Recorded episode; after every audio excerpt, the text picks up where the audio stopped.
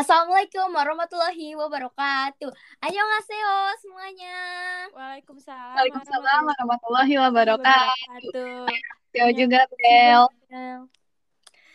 Oke. Halo semuanya, kenalin nama aku Belva. Nah, di sini aku juga nggak sendirian nih. Di sini ada Hai semuanya, kenalin aku Nabila. Halo Nabila, kamu udah makan belum? Aduh, belum nih. Hmm, jangan lupa sarapan ya. Iya nih, makasih Selain loh. ada Iya, sama-sama. Selain ada Nabila, ada siapa lagi nih? Hai semuanya, kenalin aku Rahma. Halo Rahma, kamu gimana nih tadi tidurnya? Nyenyak gak? Nyenyak dong, mimpi juga. Bagus loh mimpi.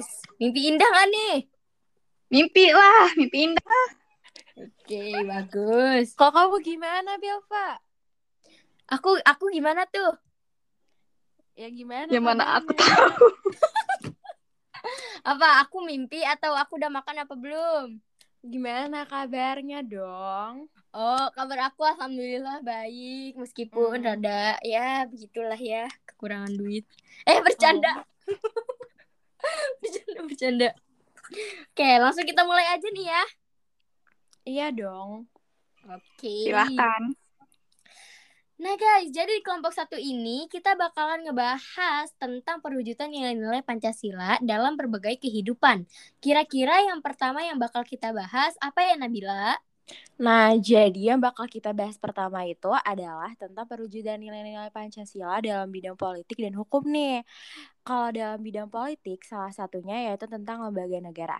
Nah, di Indonesia ini memiliki beberapa lembaga negara loh. Hmm, kira-kira apa aja ya? Nah, ada MPR, DPR, Presiden, MA, MK, KY, dan BPK. Dan pastinya semua itu harus sesuai nilai-nilai Pancasila. Nah, kalau dalam bidang politik, dalam bidang hukum, kita bisa lihat dari sistem hukum nasional loh. Dan pastinya semua peraturan da- dan perundang-undangan harus dong sesuai nilai-nilai Pancasila. Dan Oh, juga begitu. dilihat, iya dong. Nah, dan juga dilihat pada demokrasi Pancasila yang mengutamakan musyawarah mufakat. Hmm. Wow. Gi- Ya, gitu deh. Juga ya lembaga-lembaga di Indonesia. Mm-mm. Nah, jadi semuanya pastinya juga harus sesuai nilai-nilai Pancasila nih. Ya kan? Kalau yang kedua, kita akan ngebahas di bidang ekonomi. Nah, kalau di bidang ekonomi pastinya juga harus sesuai nilai-nilai Pancasila. Iya dong, harus. Harus dong. Kayak contohnya tuh kayak adanya bank, supermarket, mall, bursa saham, perusahaan, dan masih banyak lagi. Hmm, kalau yang ketiga kita bakal bahas tentang apa nih Rahma? Nah, yang ketiga, kita bakal bahas dalam bidang sosial budaya. Kayak misalnya, budaya asing yang bertentangan dengan nilai-nilai Pancasila, dan pastinya perlu dicegah perkembangannya dalam proses pembangunan. Terus, Nilai-nilai sosial seperti kekeluargaan, musyawarah, dan gotong royong, yang pastinya nih harus dipelihara pada generasi muda kayak kita gini. Emang kamu masih muda ya? Iya dong, masih muda. Masa Iya, udah iya, iya. tua dong? Mikir udah tua. Iya. Nah, Aku masih Kalau yang 13 terakhir tahun. kita bakalan ngebahas di dalam bidang pertahanan dan keamanan. Bisa kita lihat dari UUD NRI tahun 1945, pasal 27 ayat 3 dan pasal 30 ayat 1. Kedua pasal ini menegaskan per- perlunya partisipasi seluruh rakyat dalam upaya bela negara serta usaha pertahanan dan keamanan negara. Wah, iya dong. Wah, iya Hmm. dong. Nah, udah selesai nih. Nah, jadi itu beberapa bidang dalam perwujudan nilai-nilai Pancasila dalam berbagai kehidupan.